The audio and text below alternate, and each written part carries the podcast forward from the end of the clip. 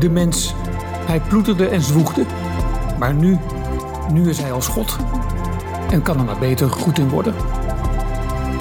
Dit is het tijdperk van de mens. Welkom in het Anthropoceen. De transitie naar een CO2-vrije samenleving leidt tot de nodige weerstand. Als de schone energie moet komen van windmolens, klagen omwonenden dat hun omgeving wordt verpest. Moet de schone energie komen uit een kerncentrale, zul je zien dat actievoerders in verzet komen. Oftewel, de energietransitie is leuk, zolang die maar vorm krijgt met onze favoriete technieken, niet met de technieken die we afkeuren. Over dat verzet gaan we het hebben in deze podcast van Replanet Nederland en ecomodernisme.be. Heel specifiek, we gaan het hebben over het verzet tegen windenergie en tegen kernenergie. We gaan het hebben over de verschillen in dat verzet, maar ook over de overeenkomsten. Want die zijn er verrassend genoeg wel degelijk, ook in het, het soort mensen dat meedoet aan dit verzet. Ook al zien ze elkaar graag als tegenpolen. Dat gesprek gaan we voeren met onze gast Rick Harmsen, brandsspecialist van de NWEA, de Nederlandse Windenergie Associatie. Rick houdt zich daar bezig met participatie en ruimtelijke ontwikkelingen van wind op land. Rick, hartelijk welkom. Dankjewel. Fijn dat je er bent. Um, ik heb het idee dat ik even moet uitleggen waarom je, waarom je hier zit en waarom we dit gesprek uh, met jou voeren. Ga je gang. Um, vorig jaar had ik een, uh, heb ik een boek geschreven. Waarom we niet bang hoeven te zijn voor kernenergie. Het was in het najaar af en ik wilde dat het gelezen werd door mensen die, uh, die ertoe doen. Hè. Nou zit ik zelf niet op Twitter, maar ik had iemand gevraagd om de belangrijke twitteraars op het gebied van energie eens door te geven. En daar kwam jouw naam ook naar voren. En ik had zeker wel eens van jouw naam gehoord. Je schrijft wel eens op Energiepodium volgens mij. Ja. Um, dus ik ging jou een mail schrijven en vroeg of jij misschien interesse had om een boek te ontvangen. Um, weet jij nog wat jij toen aan mij schreef? Uh, moet ik even nadenken, dat was een paar maanden geleden. Volgens mij schreef ik zoiets van, oh leuk, lijkt me leuk om te lezen, stuur het vooral op.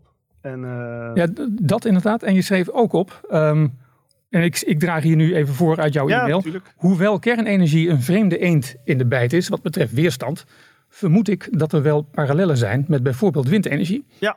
Nou, ik dacht, weerstand tegen windenergie. Ik heb daar wel vaak aan gedacht tijdens het schrijven van mijn boek over kernenergie.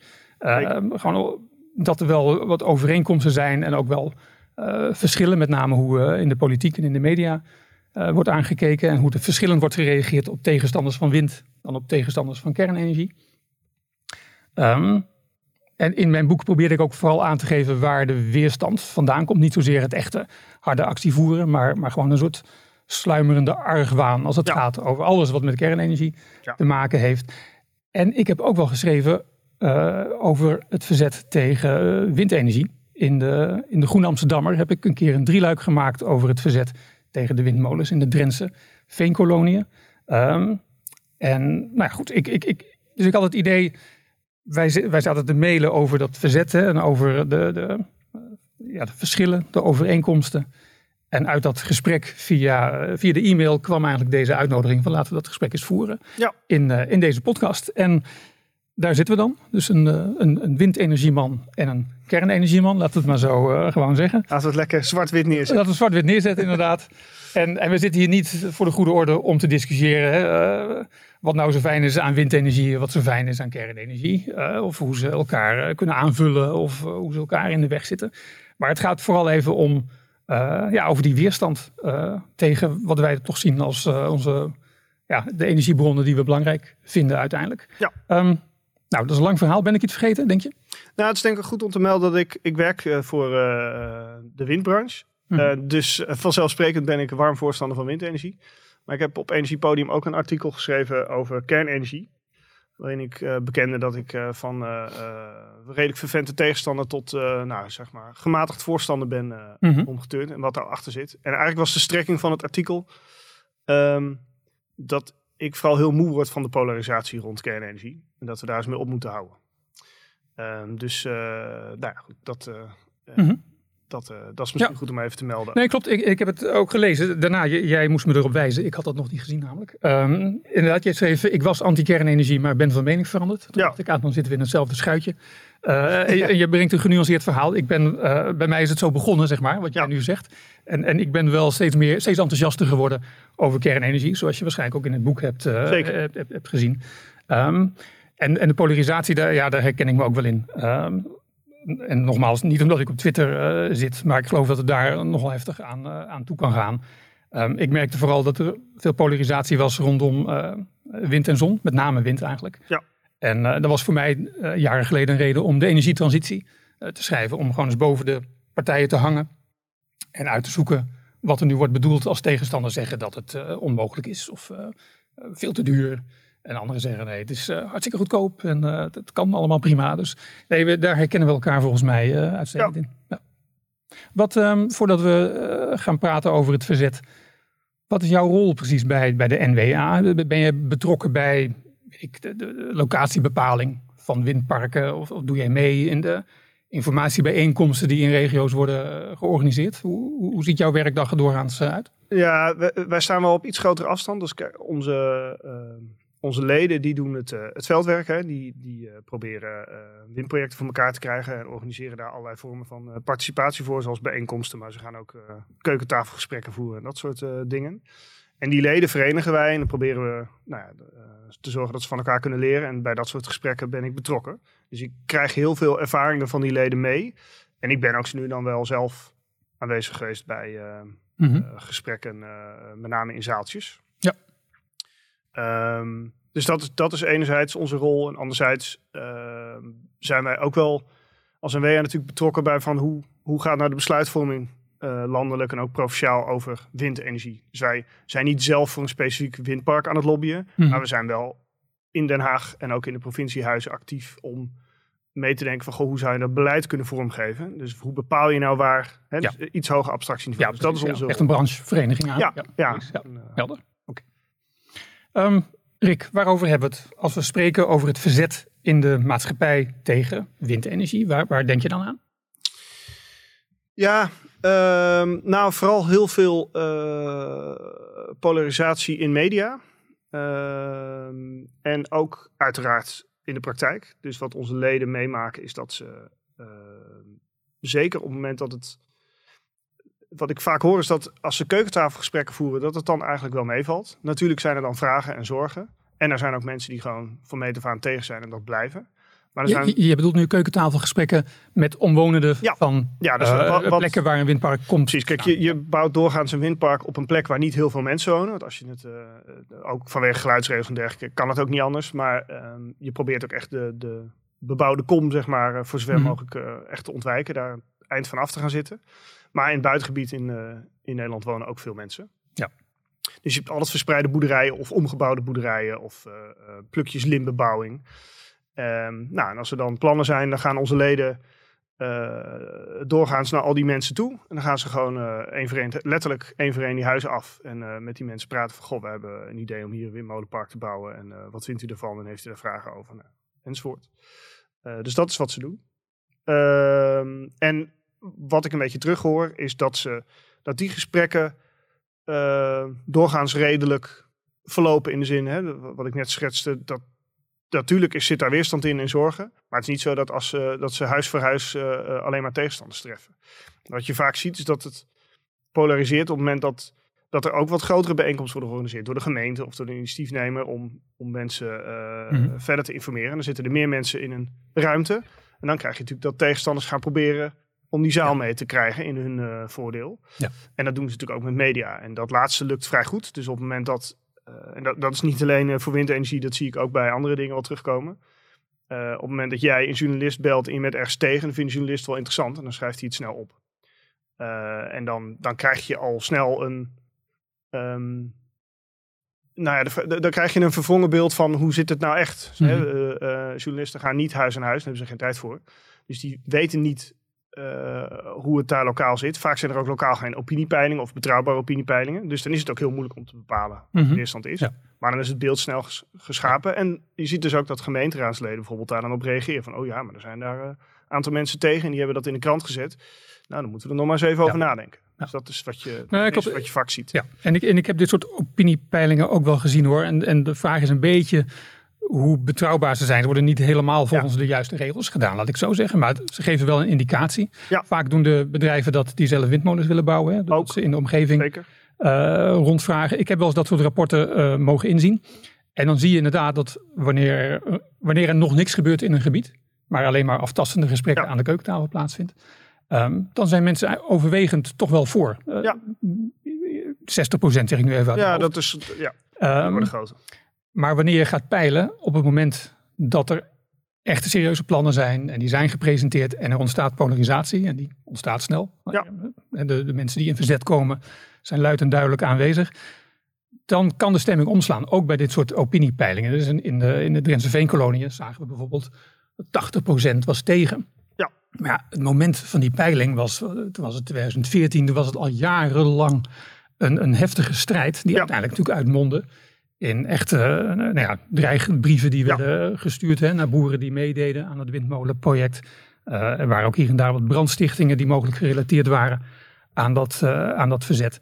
Ehm, dus het, het moment van peilen is uiteindelijk eh, erg belangrijk, blijkt hieruit, wat mij betreft. Ja, eens. Eh, en tegelijkertijd eh, is ook interessant, maar die, ik kan niet zeggen dat ik daar echt peilingen voor... Ja, er zijn wel wat onderzoeken naar, maar helaas niet zo heel veel. Ehm, dit is natuurlijk ook interessant, wat gebeurt er op het moment dat de windpark er staat? En wat je dan vaak ziet, of wat, eh, wat ook wel, eh, TNO heeft daar recent een onderzoek naar gedaan bij vier windparken. Eh, waarbij we bewust met een aantal partijen, inclusief de tegenstanders, hebben nagedacht welke kiezen we. Want ja, het ene windpark is het andere niet. Dus ook expres één windpark eruit gepakt waar echt veel weerstand was. Niet eh Veenkolonie, Mhm. maar eentje in Zuid-Holland. Ehm, en daar kwamen heel genuanceerde beelden uit. Dus daar zag je inderdaad dat mensen die dichter bij een windpark woonden... automatisch wat negatiever waren. Ook vaak overlast eh, ervaarden. En dan- gaat het om geluid of om bouw. dan gaat het om geluid. Die- Nee, dat is eigenlijk altijd standaard is Hmm. dat geluid. Eh slagschaduw is bijna nooit een issue. Kun je ook vrij goed technisch wegnemen. En daar zijn de normen ook vrij streng voor. Het zit vooral in, eh, in geluid. Ehm, en je zag dus ook dat er eh in parken waar gewoon vanaf het begin af aan minder weerstand was, dat daar de cijfers ook vrij positief waren. En eh, ook mensen die hadden van ja, ja, dat windpark staat en ik heb er eigenlijk geen last van. En, Mhm. ze hebben, en ook daar, hadden ze, daar hebben ze best een goed onderzoek eh, eh, naar gedaan. Want ze zijn dus ook ingegaan op wat vond u van het proces. En hoe stond u er in het begin tegenaan? Nou, dat laatste is natuurlijk moeilijk. Hè? Dat, ja, het meest ideale doe je een, een nulmeting en drie jaar later ga je weer. Maar dat, Mhm. dat kon nu niet. Dus dat is wel een makker van het onderzoek. Maar ze hebben dus wel echt getest wat gebeurt er als eenmaal staat. Want vaak is het inderdaad opiniepeilingen. eh, Hè, dan Ja. gaan de golven heel hoog vlak van tevoren. Want dan is iedereen eh, boos en bezorgd. En als er eenmaal staat, dan blijft er wel weerstand. Maar die appt ook weer weg Mhm. daar kun je een hele verhandeling over houden waar Ja. het in zit. Want het kan zijn dat mensen denken, ja, ik kan er toch niks meer aan doen. Ja. Dus ik ben er nog tegen, maar het heeft geen zin meer. Dus ik ben niet meer heel boos. Maar het kan ook zijn dat mensen het algemeen mee willen vallen. En daar zijn, zeker in zo'n onderzoek kwamen daar wel Mhm. indicaties uit dat het ook wel weer, wel die, weer een beetje meevalt. en die weerstand, waar, waar is die weerstand op gebaseerd? De weerstand tegen windmolens? Die worden gebouwd. Ja, eh, ja eigenlijk twee, twee hoofdpijlers. De een is eh, wat ik al eerder noemde geluid. Dus mensen die bang zijn voor geluidsoverlast of daaruit voortvloeiende gezondheidsschade. Dus dat is, dat is de ene Mhm. kant. En de andere is gewoon aantasting van het landschap. Dus ja, er, komt, er gebeurt iets ruimtelijks in jouw omgeving. Dat Mhm. verandert het landschap. En daar, dat vinden mensen niet fijn of lelijk. Of, Nee. nou, en, en dat laatste is natuurlijk eh, vrij ongrijpbaar in die zin dat je, ja, het is gewoon een feit. Het landschap verandert. Dat doet het overigens constant en er wordt van alles gebouwd. Maar ja, Maar ook- windmolens en- zijn natuurlijk wel heel eh, groot geworden. ja. Dus die zijn best wel eh, zichtbaar. Daarover gesproken, over het, als het landschap verandert in de veenkoloniën. Veenkolonie is lange tijd echt een vlak land Ja. geweest met amper bomen. Ja. Nu staan er bomen, die staan er al, weet ik, 40 jaar. Er waren protesten tegen het aanplant van bomen 40 jaar geleden. Dan kom je op een goed moment op een punt dat die bomen moeten worden gekapt, om wat voor reden dan ook. Ja, dan komt daar protest tegen, Ja. want ja, die bomen die, die haal je Ja. toch niet weg. Dus of het nou een boom of een windmolens gaat, eh, als het landschap verandert, daar hebben we wel moeite mee. Ja. Zeker, ik heb eh heel korte anekdote wel een keer van iemand van Tenet begrepen van de hoogspannings, eh, de, de, de beheerder van de hoogspanningskabels. Er stond zo'n oude vakwerkmast. En die stond al 60 jaar daar en uh, had een mevrouw vanaf een flat een uitzicht op. Toen ging ze die mast weghalen. En toen was die vrouw heel boos, want dat was haar uitzicht. Oh, het is haar mast. Weer fascinerend dat dat, ja, zo van, ja, maar dit hoort bij mijn landschap. Hier woon ik al tientallen jaren en nou haal je dat weg. Dus ook bij dat soort dingen zie je dus, eh, of dat bij windmolens mm -hmm. zo zijn, daar, daar zijn ze eigenlijk nog een beetje te jong voor. Er worden ja. nu de eerste weer weggehaald. Ja. Maar ik ben benieuwd of dat fenomeen zich gaat voordoen. Wat ik wel eens in zaaltjes hoorde, als ik zelf, uh, soms als ik uh, moderator of zoiets, of ja. kwam ik wel eens als spreker. Um, wat ik vaak hoorde, um, er was altijd iemand die zijn vinger opstak en over de vogels begon. Ja, um, maar als ik dan als ik dan vroeg wat voor bijzondere vogels er in de omgeving waren, dan, dan kwam er zelden een antwoord uh, terug. Of ik vroeg dan ook, zit de blauwe kwekkelaar ja. hier ook uh, soms? En dan was het antwoord ja, maar die hele blauwe kwekkelaar bestaat natuurlijk helemaal niet. Dus nee. ik, ik, had wel vrij, ja, er zullen uitzonderingen zijn. Er zullen ook biologen en vogelliefhebbers zijn Absoluut. in Nederland Ja. die, uh, die zich echt oprecht zorgen over maken. En waarschijnlijk ook trouwens met reden. Maar je, je, op een of andere manier merk je aan een zaal, wanneer de vogels in de strijd Ja. worden geworpen als een, ja, zo'n gelegenheidsargument. Ja, de selectieve verontwaardiging is ook bij eh, de discussie over windenergie niet ver weg. Uh, vogels, vleermuizen worden geraakt hè, door windmolens. Of hebben uh, soms ook indirecte effecten, dus een, Mhm. barrièrewerking. Zodat die vogels bijvoorbeeld eh, van hun nest naar een gebied vliegen waar ze eh, de wormen of eh, Mhm. andere dingen kunnen eten. Dan kunnen ze er niet meer door. Daar heb je natuurlijk effect. Ehm, ja, er gaan ook vogels en vleermuizen dood. Maar windenergie is echt nou, een minieme drukfactor ten opzichte van landbouw, katten, Katten, eh, ja. enzovoort. Daar is, val- past ook weer enige nuancering Mhm. bij, want er zijn natuurlijk een aantal vogel- en vleermuissoorten die wel weer... Hè, grote roofvogels worden meestal niet door een huiskat opgegeten, misschien andersom wel. Ehm, maar die kunnen wel tegen een windmolen aanvliegen. Dus Mhm. er zijn specifieke soorten waar ook natuurliefhebbers zich wel echt druk over maken. En daar moet je dus ook altijd een uitgebreid ecologisch onderzoek voor doen Ja. en maatregelen nemen. Dus En hoor jij ooit iets in dit soort eh, debatten eh, over het ruimtegebruik van wind? Of over eh, ja, grondstoffen die nodig zijn hiervoor? eh, Ja. Of de backup van gascentrales? Oh ja, praktijk- ja, ik ken ze. Maar, Ik kan alle dingen dromen. Nou, kijk, de ruimtegebruik is deels een argument in die zin dat als je een windmolen ergens neerzet, dan beperkt dat het ruimtegebruik daaromheen. Je kunt een heleboel dingen goed combineren met windmolens, bijvoorbeeld infrastructuur of landbouw. Hè, de, het stuk waar de mast staat is maar een klein stukje. En Mhm. er zijn niet voor niets heel veel boeren die in windmolens investeren, want die kunnen daarna gewoon hun koeien laten grazen of hun eh, graan laten groeien daaronder. Ehm, maar goed, je kan niet pal onder een windmolen een nieuwe woonwijk bouwen. Dus er zitten Mhm. zeker begrenzingen aan op het moment dat je met windenergie gaat werken. Maar je kunt er dus ook veel mee combineren. Dus dat is op zich prettig. Mhm. Wordt ook veel met waterwegen gecombineerd. Hè? Dus op dijken en zo eh, worden windmolens gebouwd. En dat is, ja, daar waait het vaak ook hard. Dus dat is ideaal eigenlijk, die combinatie. Ja. Ehm, ja, grondstoffen, met name in. ehm, eigenlijk kun je. eh, er zijn een aantal dingetjes rond grondstoffen, dingen moet ik zeggen. Ehm het Op, op, op zich, ik, we hoeven niet, niet alle ja, ik argumenten... eh, wil lopen. nou ja, de- de- nee, op zich hoeven we het niet eens heel inhoudelijk over te hebben. Wat mij gewoon opviel is dat in de Drentse veenkolonie begon niemand erover. Nee, over ik grondstoffen of over gascentrales of, of wat dan ook. Eh, ik heb wel eens het idee dat het verzet tegen windenergie, ja, hoe zeg je het, heel lokaal is. Ja. En ehm, eh, ja, echt om de zichtbare gevolgen. Gaat. En, en, en zo- hoorbare. Ja. En hoorbaar inderdaad. Ja. Ja. Ja, Dat is de. Dat zie je in de, er zijn vrij veel opiniepeilingen over eh, wat vinden mensen van windenergie. En dan komt het getal wat jij noemt er ongeveer uit. Hè. Dus 60, 70 procent is gewoon intrinsiek voorstander van Mhm. windenergie. Ja. En dat neemt wat af, logischerwijs, op het moment dat het dichterbij komt. Ja. Daar, daar zijn de opiniepeilingen ook wat diffuser in de zin dat er gewoon minder zijn. Maar dan, dan, dan gaat het 10 of 20 procent af.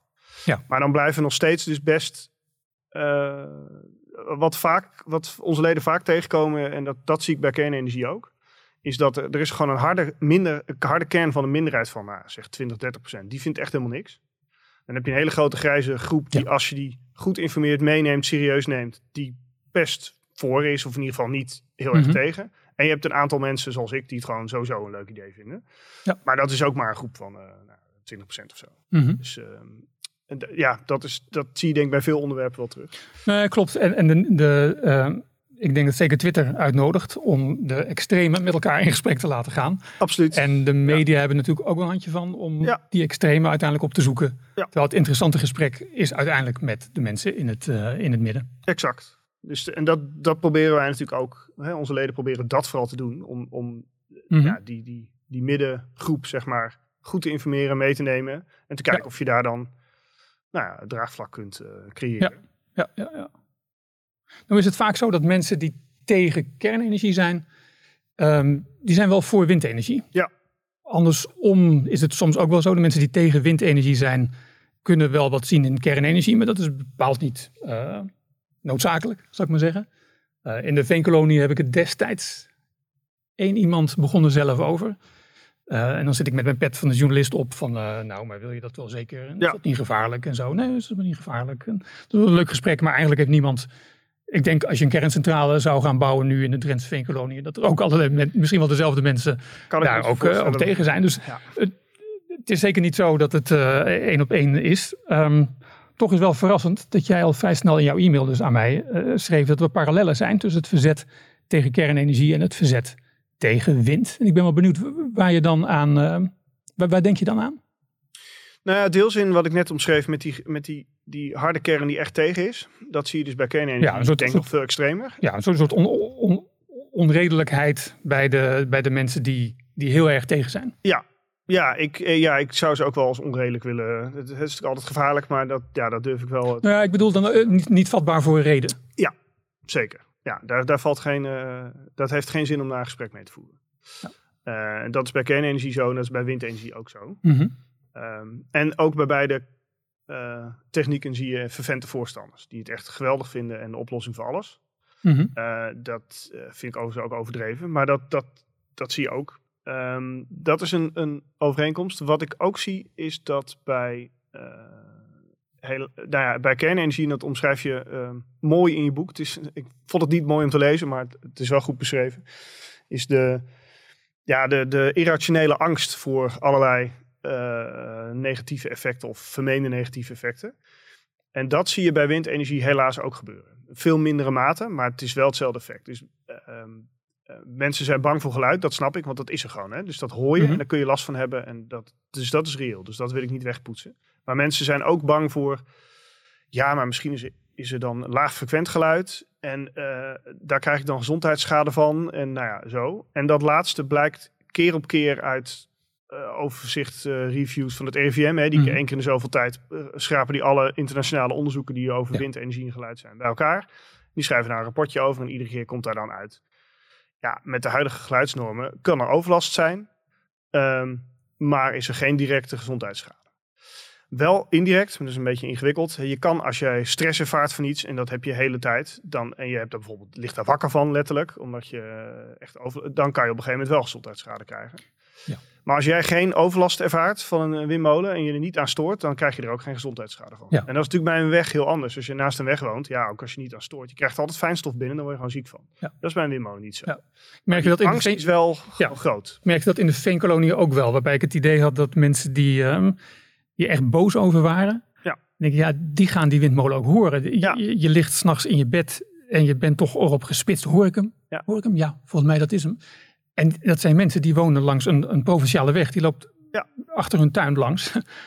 Dat horen ze al jarenlang. Ze weten niet beter dan dat daar die weg is. En daar rijdt er echt wel verkeer, uh, s'nachts ook, uh, ook langs. Maar daar, ja, daar zijn ze dan aan gewend. Ja, ja en, het, en het terug is dat, dat je kunt, als dat mechanisme eenmaal zich voordoet, dan kun je er dus als initiatiefnemer of gemeente of zo, kun je er weinig aan doen. Want als mensen er eenmaal bang voor zijn, mm -hmm. dan krijg je precies wat je beschrijft. Dan gaan mensen zich er ook aan ergeren. En dan hebben ze dus op een gegeven moment ook echt overlast of gezondheidsschade of stress. Ja. En dan zeggen ze, zie je wel, terwijl ja, je zou eigenlijk willen, stoor je er niet aan. Maar ja, het is hetzelfde als dat je tegen iemand zegt, doe spontaan. Dat werkt niet. Je, mhm. kunt, je, je kunt dat niet van mensen nee. verlangen. Nee. Maar dat, daarom worden wij wel, zijn we echt zagrijnig als er, nou ja, door uh, experts tussen aanhalingstekens uh, dingen worden geroepen over windenergie die gewoon niet kloppen, waardoor mensen gewoon bang worden gemaakt. Want dan weten we gewoon, ja, die mensen hebben er gewoon straks, als die windmolen er komt, en dat is mm -hmm. niet altijd het geval, maar als dat project doorgaat, dan gaan die mensen waarschijnlijk ook overlast van hebben. En dat is niet alleen vervelend voor ons, maar dat is ook voor die mensen heel vervelend. Mm -hmm. Want je gunt niemand overlast. Nee. Ik bedoel, uh, maar goed, die ere, uh, terug naar het ja. vergelijking, dus die, dat, dat mechanisme dat mensen echt bang worden gemaakt voor gezondheidsschade en dergelijke, voor risico's die er niet zijn of kleiner zijn dan er wordt geschetst. Dat zie mm -hmm. ik bij beide gebeuren. En dat uh, is lastig. Ja, dan zijn ze ook allebei, dus zowel de tegenstanders van windmolens als de tegenstanders van kernenergie. Um, ja, hoe zeg ik het netjes, uh, wat onwetenschappelijk. Niet zo geïnteresseerd in waarheidsvinding naar wat de, werkelijk, wat de werkelijke schade zou zijn, toch? Want, want ja, ik, mensen die protesteren tegen een kerncentrale die zou worden gebouwd in hun omgeving, zouden al snel zeggen, uh, ja, maar daar worden we ziek van. Uh, ja. en dan verwijzen ze misschien ook nog naar allerlei studies, hè, waaruit zou blijken dat mensen in de omgeving van de kerncentrale vaker ziek zijn voor zover dat klopt, gaat het vaak, is het vaak, was het, waren die mensen al ziek voordat de kerncentrale er kwam. Omdat de kerncentrale vaak wordt gebouwd op een industrieterrein. Waar allerlei andere fabrieken uh, zijn met, met uh, giftige stoffen. En hebben die klachten uiteindelijk helemaal niks te maken met, met de kerncentrale.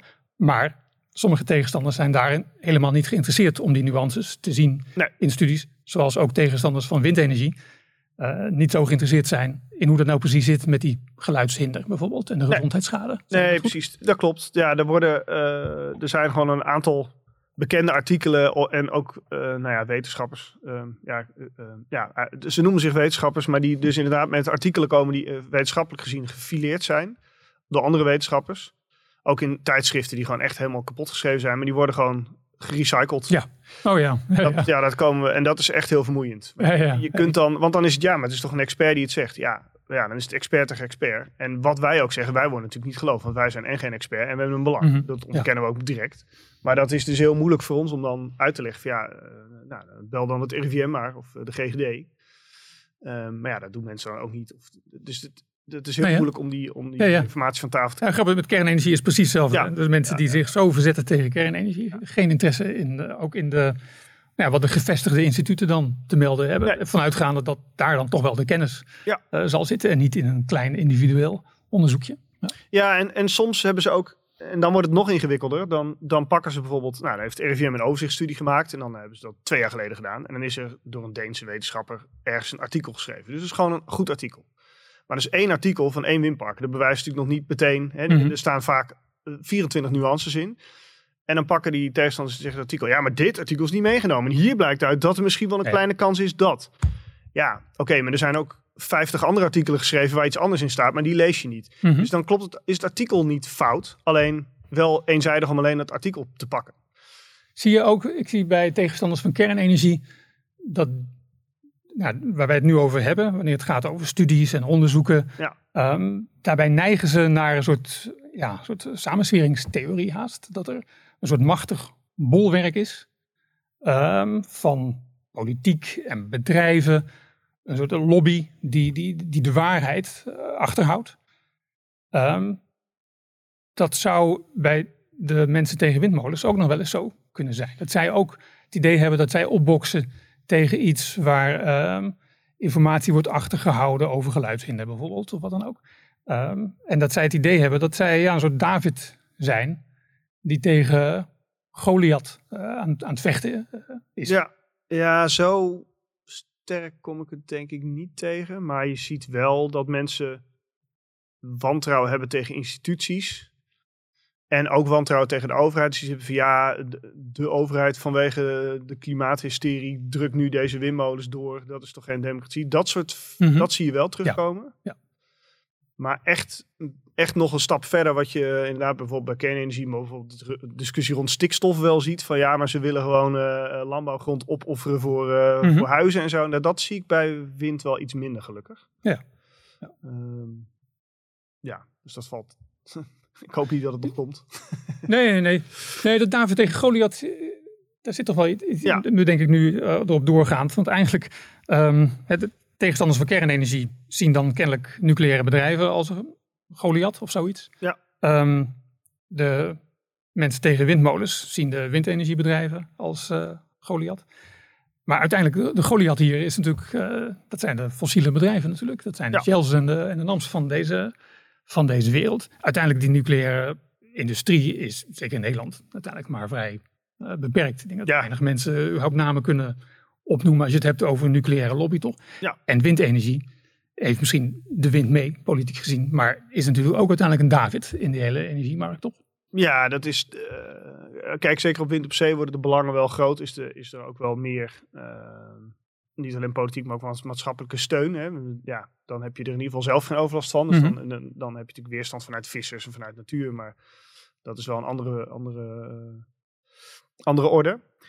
Op land zou ik nou niet willen zeggen dat windenergie daar een, een soort mega lobby heeft die overal zijn zin krijgt. Er is juist lokaal relatief mhm. veel weerstand. En die geluiden worden ook goed, gehoord in, in Den Haag. Mhm. dus ja, inderdaad, de, de theorie dat wij een soort machtige sector zouden zijn die uh, zijn zin eens even kan doordrijven, die is wel echt uh, ja, ja. vergezocht. Ja. ja. Ik zie ook wel parallellen in het, het soort mensen, laat het maar zo even noemen. Het soort mensen dat, dat heel erg tegen windmolens kan strijden of heel erg tegen kernenergie kan strijden. En dan denk ik aan ehm, dat het mannen zijn van een bepaalde leeftijd, om het maar zo te zeggen, die het beter weten dan de anderen.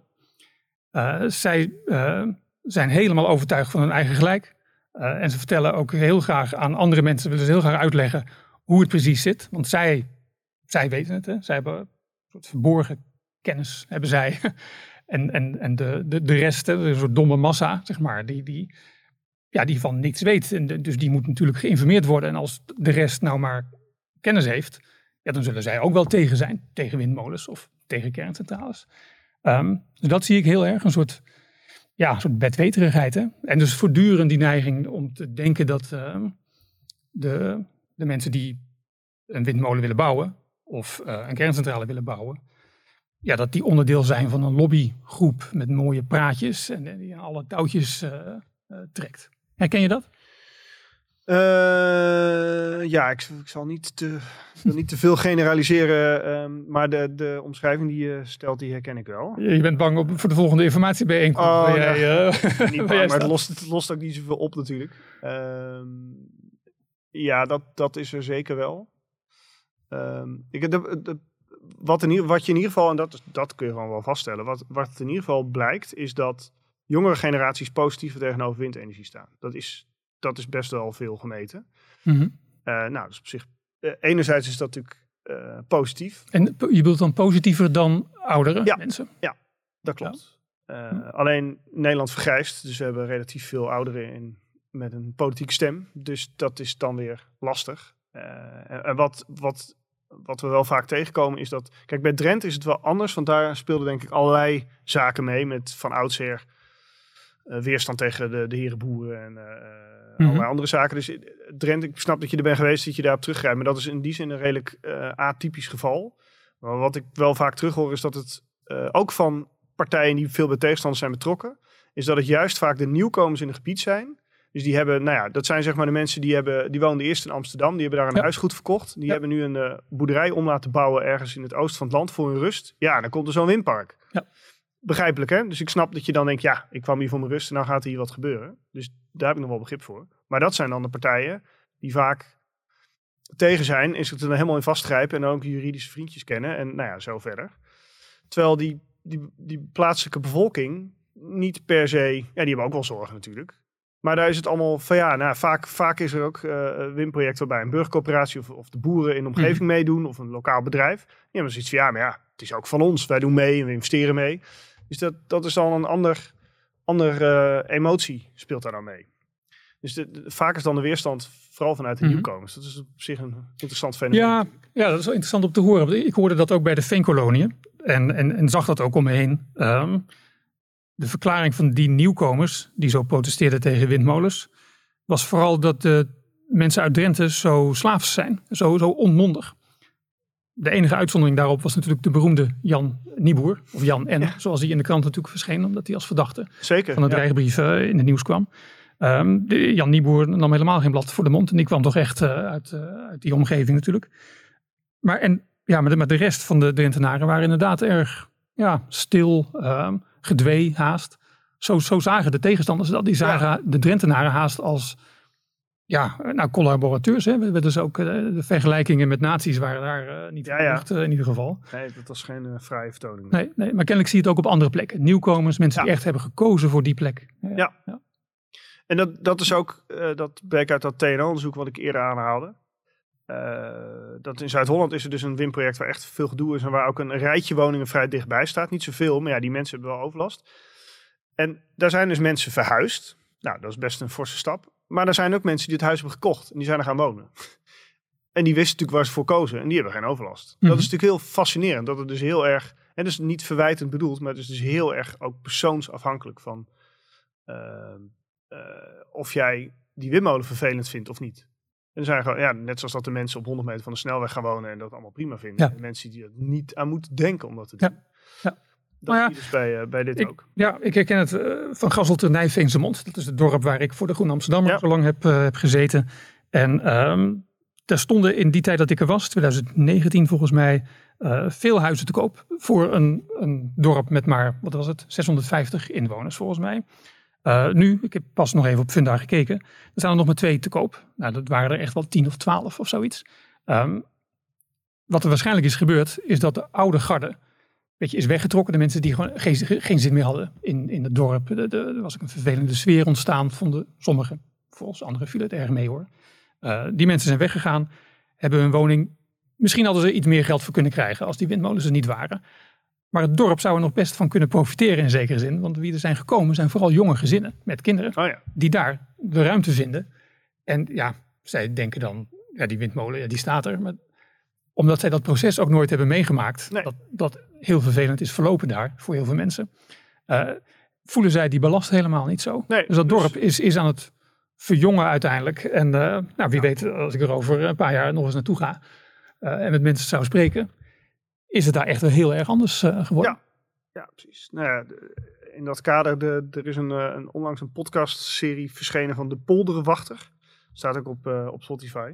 En die, eh, die man die komt geloof ik uit Maars. Is een, eh, iemand die voor lokale radio een, eh, een korte 10, 15 minuten aflevering heeft gemaakt. En die had, er was discussie in Maarsen van ja, moet hier een windmolen komen? Allemaal weerstand en toestanden. En die is dus bij een aantal recente windparken, en ook wat oudere trouwens, langs gegaan. En die is gewoon deur aan deur gegaan. Ik kan Mhm. controleren wat hij precies heeft gedaan, maar die... en dan, dan, het verbaast me echt. Er was wel weerstand over de horizonvervuiling. Dus dat zag je, kwam Mhm. vaak terug. Ehm, maar geluid. Het was gewoon eh, niemand. Zelfs bij Zeewolde, waar op 500 meter een woonwijk zit. Dus best dichtbij. Er zit de snelweg tussen. Maar toch. Ja, ja, ja, ik zie ze wel. Ja, nou ja. Dus het, het is, ik vind het een fascinerend eh, fenomeen. Dat als je er dus helemaal voor kiest. Want die woonwijk stond er natuurlijk al, want het windpark is heel recent. Maar die wisten wel van, nou, daar komt hier windpark. Dus die mensen die daar gingen wonen, wisten waarschijnlijk in grote mate van, Mhm. nou ja, er komt hier zo'n windpark. Dus dan is wat anders dan jouw omgeving wordt aangetast. Meer van, ja, ik ga hier Ja. wonen en dan komt dit, hoort dit erbij. Ja. Dan, ja, dan valt het dus, eh, voor veel mensen is de ervaring dan eh, in ieder geval niet negatief. Ik denk wel dat er belangrijke verschillen ook zijn. Hè, tussen het verzet tegen windenergie en het verzet tegen kernenergie. En dan Zeker. denk ik er vooral aan dat het verzet tegen windenergie eh, heel lokaal is. Het is Ja. eigenlijk niet zozeer verzet tegen windenergie, maar tegen windmolens. Tegen bepaalde windmolens die in de buurt komen. Ja. En wat je voortdurend hoort is, ze moeten niet hier. Ja. Ook in de veenkoloniën zeiden ze, nee, eh, zet ze maar daar neer. Daar bij eh Appelscha, of weet ik welk dorp ze noemden. Want daar woont niemand. Ja, ga je naar Appelscha toe, dan wonen daar natuurlijk ook mensen. En Ja. nou ja, in, eh, op Eiburg in Amsterdam Ja. was natuurlijk een klein mediarelletje. Ja. omdat er allerlei media zich in de handen verwringden. Omdat er zoveel GroenLinks-stemmers daar zijn. Ook volgens mij gemeenteraadsleden die voor windenergie zijn. Maar nee, die windmolen bij Eiburg, die moest daar natuurlijk niet komen. Die moest, die moest ergens anders eh, staan. ja. Dus eigenlijk is het verzet tegen specifieke windmolens in de buurt. Terwijl het verzet tegen kernenergie, dat is echt een algemeen verzet. Eh, Ja. Het is niet hier, maar ook niet daar. Eh, nergens. Hè. Naomi Klein noemt dat geloof ik eh, blokkadia. hè. Dus eh, eh, je zegt nee tegen alles eigenlijk.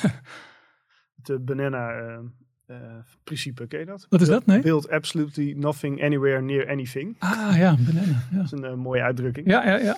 Ja, nou goed. eh, dat klopt. Dat is een groot verschil. Bij kernenergie is natuurlijk, speelt mee eh, dat mensen bang zijn voor een ongeluk of voor de straling die ervan uitgaat. En dan beperkt ze dat natuurlijk voor hun gevoel hè, niet tot jouw regio. Dan, eh, dan kan je ook 100 meter of 100 kilometer er vandaan wonen. En dan, ja, als hij ontploft, dan krijg jij ook die wolken over je heen. Dat fenomeen. Dat Mhm. bij een windmolen, dat snapt natuurlijk iedereen. Als jij op, Ja. nou ja, 1, 2 kilometer zit, dan kun je hem nog wel zien, maar horen ga je hem niet meer. Eh, dus En dan- bij, en bij kerncentrales, je zegt als hij ontploft, maar dat, dat gebeurt natuurlijk allemaal niet. Maar ik vind wel dat het, er mag best wat meer over gepraat worden, over eh, wat het scenario eigenlijk is als er een ongeval uh, dat, plaatsvindt. heel veel inderdaad aanraden om te doen. Ja, heel veel voorstanders van kernenergie lopen daarvan weg. Nee, nee, nee, je moet het helemaal niet over ongelukken hebben en zo. Maar natuurlijk wel, dat is toch een hele reële bezwaar. En ik vind dat er in, nou ja, ik hoef mijn verhaal niet hier opnieuw te houden. Maar in Fukushima is er een overreactie van de overheid geweest. Ja. Dat ook volgens experts niet het model moet worden voor een volgend ongeluk. Want er gaat natuurlijk eens een keer een kernongeluk gebeuren waar ook ja. op de wereld. Statistisch. En laten we dan maar, uh, ja. ja. laten we dan maar beter goed voorbereid zijn en, Ja. en een goed plan hebben van wat we nou eigenlijk doen en, en ook een goed besef hebben van eh, wat het dan precies betekent als er radioactieve stoffen eh, vrijkomen in Exact, de, in de natuur. En hoe lang een evacuatie dan wel of niet moet duren, et cetera. En hoeveel eh, keuzevrijheid je zelf daarin hebt om terug te gaan, et cetera. Nou goed, Eh, maar dat is een ander, eh, Ja. eh, een ander verhaal. Ja. Ik zie daar nog wel een ander verschil. Als het gaat over het verzet tegen wind versus het verzet tegen kernenergie. En dat is hoe de, hoe de buitenwereld ernaar kijkt. En met, ik denk dan vooral aan de media. Ben je tegen wind, dan ben je toch een soort provinciaal. Volgens mij, hè? dan snap je de noodzaak van de energietransitie niet zo goed. Eh, dan, dan denk je alleen maar aan jezelf. Ga je niet mee met de tijd. Ik heb het idee dat, dat ik dat narratief veel zie, in ieder geval in de kranten die ik, eh, die ik zie. Ben je tegen kernenergie, ja, dan ben je ja, wereldwijs. Hè? Dan, dan, dan geef je rekenschap van gevaren en risico's. Eh, dan wil je de samenleving beschermen. Kijk je verder dan alleen maar eh, CO2-uitstoot. Dus dan, dan, dan heb je eigenlijk een aura van wijsheid haast. Ehm, hoe zie jij dat? Je mag het niet met me eens zijn, hè? Ja, ik moet er even over nadenken. Nou, ik, Hm. ik denk dat dit eh, deels klopt. Maar dat ligt natuurlijk ook aan. Kijk, de media bestaat natuurlijk niet. Eh ligt er ook aan wat je leest. Kijk, als je de Telegraaf leest, dan krijg je niet het beeld dat je heel wijs bent als je kernenergie afwijst. Daar eh, zijn ze Nee. volstrekt voorstander. Laten ze ook echt voorstanders veel aan het woord. En daar, de stukken die daarin staan, zijn niet alleen het beeld van, nou ja, als je tegen windenergie bent, dan eh, ben je provinciaals. Nee, dan, dan ben je gewoon goed bezig. Want het zijn. eh Ja, oké. dus de, Ja, dus er is duidelijk een verschil tussen mannetje, denk ik. ja, eh, meer, de Telegraaf en, en de Volkskrant, ja. NRC, Trouw. ja, zeker. Ja. Ik denk dat het, het beeld dat zou kunnen kloppen voor iets progressievere media. Mhm. Ik weet niet of dat. Ja, de, of het beeld. Of ik het met je eens ben dat het beeld bij kernenergie op die manier is. Hè? Eh, het is wel een soort. Wat ik wel zie in krantartikelen is een soort. eh, vanzelfsprekendheid van, de, van veel journalisten. Van ja, maar ja, ja, dat, zijn, dat, is, ja, dat is toch een oud idee. En, weet je, dat spreekt een Ja. beetje in, die, in die artikelen door. Dat, dat is dan een soort. Dat lijkt dan neutraal, maar dat is het natuurlijk helemaal niet. Dat zie ik wel. Eh, Interessant dat je dat zegt, want dat is mij ook opgevallen. Ik heb wel eens het idee, als ik mag aanvullen hier, dat ehm, wanneer journalisten over kernenergie schrijven, dan lijkt het wel alsof ze extra kritisch willen zijn. Dat ze nog eh, een schepje bovenop doen. Dat we- wanneer je een neutraal artikel over kernenergie zou schrijven, dat je dan haast al op je vingers zou worden getikt door Ja. je collega's die vinden dat je, ja, ben je een voorstander of zo? Dat, Ja. dat het op, op die manier, ja, ja, ik- goed, sowieso heb ik het idee dat we over kernenergie veel panischer doen dan, dan, dan, dan nodig. Uh, maar ik merk dat, nou ja, die, het valt jou Ja. kennelijk ook op. Ja, dat valt je natuurlijk op op het moment dat je zelf eh, van mening verandert. Want dan ga je dus ook op een andere manier dan dat soort Mhm. artikelen kijken. Eh, en- volgens mij meespeelt, iemand heeft eens een keer, mediaonderzoeker heeft eens een keer onderzoek gedaan naar artikelen die over kernenergie zijn verschenen en wat voor frames worden er dan gebruikt. eh. Ehm, en wat haar zo opviel, was dat er heel veel verschillende journalisten opdoken uit haar zoektocht.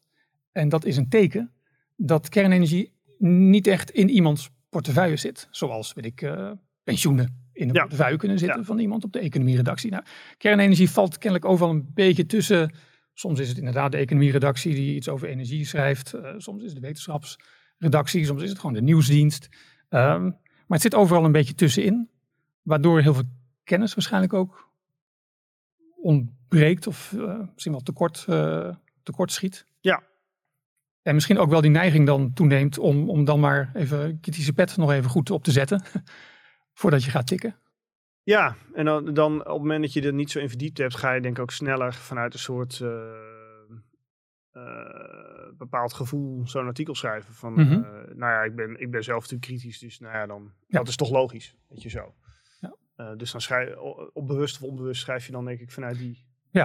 Ja, en het- terwijl uit allerlei opinieonderzoeken ook in Nederland uh, blijkt dat een meerderheid uiteindelijk voor is. Ja. Dus een, een, kleine groep echt tegen, een grote groep die het niet zo goed weet. Maar de, de groep die, die, die, die, zegt, nou, het, zal wel goed zijn, toch? Uh, die wordt steeds groter en dat is duidelijk een meerderheid. En dat is in allerlei Europese landen uh, al het geval. Ja. ja. Ja, op zich dat is positief. Want dat geldt dus eigenlijk voor... Bij zon is het nog extremer, maar bij wind en kernenergie is dat ook zo. En bij... Kijk, bij biomassa en CCS is dat wel, denk ik, ietsje genuanceerder. Maar het is eigenlijk best positief dat in beginsel mensen dus gewoon voorstander zijn van allerlei niet-fossiele energie. Mm -hmm. ja. Want daar moeten we namelijk vanaf. Ja. Dus ja. dat... Uh, uh, en natuurlijk ben je er dan niet. Maar ja, stel dat uh, 80% van Nederland windenergie en kernenergie allemaal stom vond. Ja, een ander probleem. Ja. Dus in die zin is er ook wel iets positiefs. Te...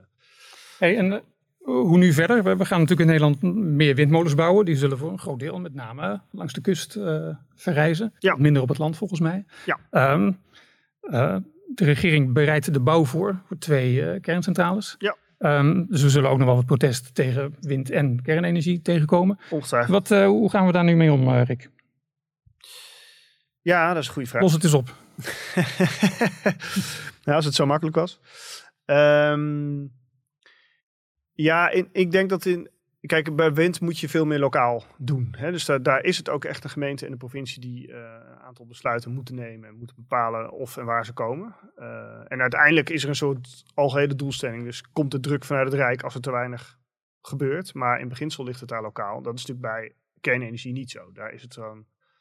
Uh, ja, Borselen, de gemeente Borselen heeft daar uh, precies niets over te zeggen. En dat snap ik ook heel goed. Daar wordt het gewoon centraal gepland. En dan wordt natuurlijk lokaal wel gesproken. Mm -hmm. Maar daar is het wel op een andere manier uh, georganiseerd. Um, ja, wat ik in beide gevallen wel zie en verkeerd zie gaan, wat ik hoop dat, dat, dat we steeds beter weten te voorkomen, is dat er wordt ook heel vaak geklaagd over vertraging en procedures en inspraak. Maar dat is vrij goed dat dat er allemaal is. De, dat er inspraak is in een democratie. Dus dat, daar moet je eigenlijk niet aankomen. Mhm. Waar, je, waar het vaak misgaat, en dat kun je zowel op landelijk als op uh, lokaal niveau doen, is dat de politiek talmt.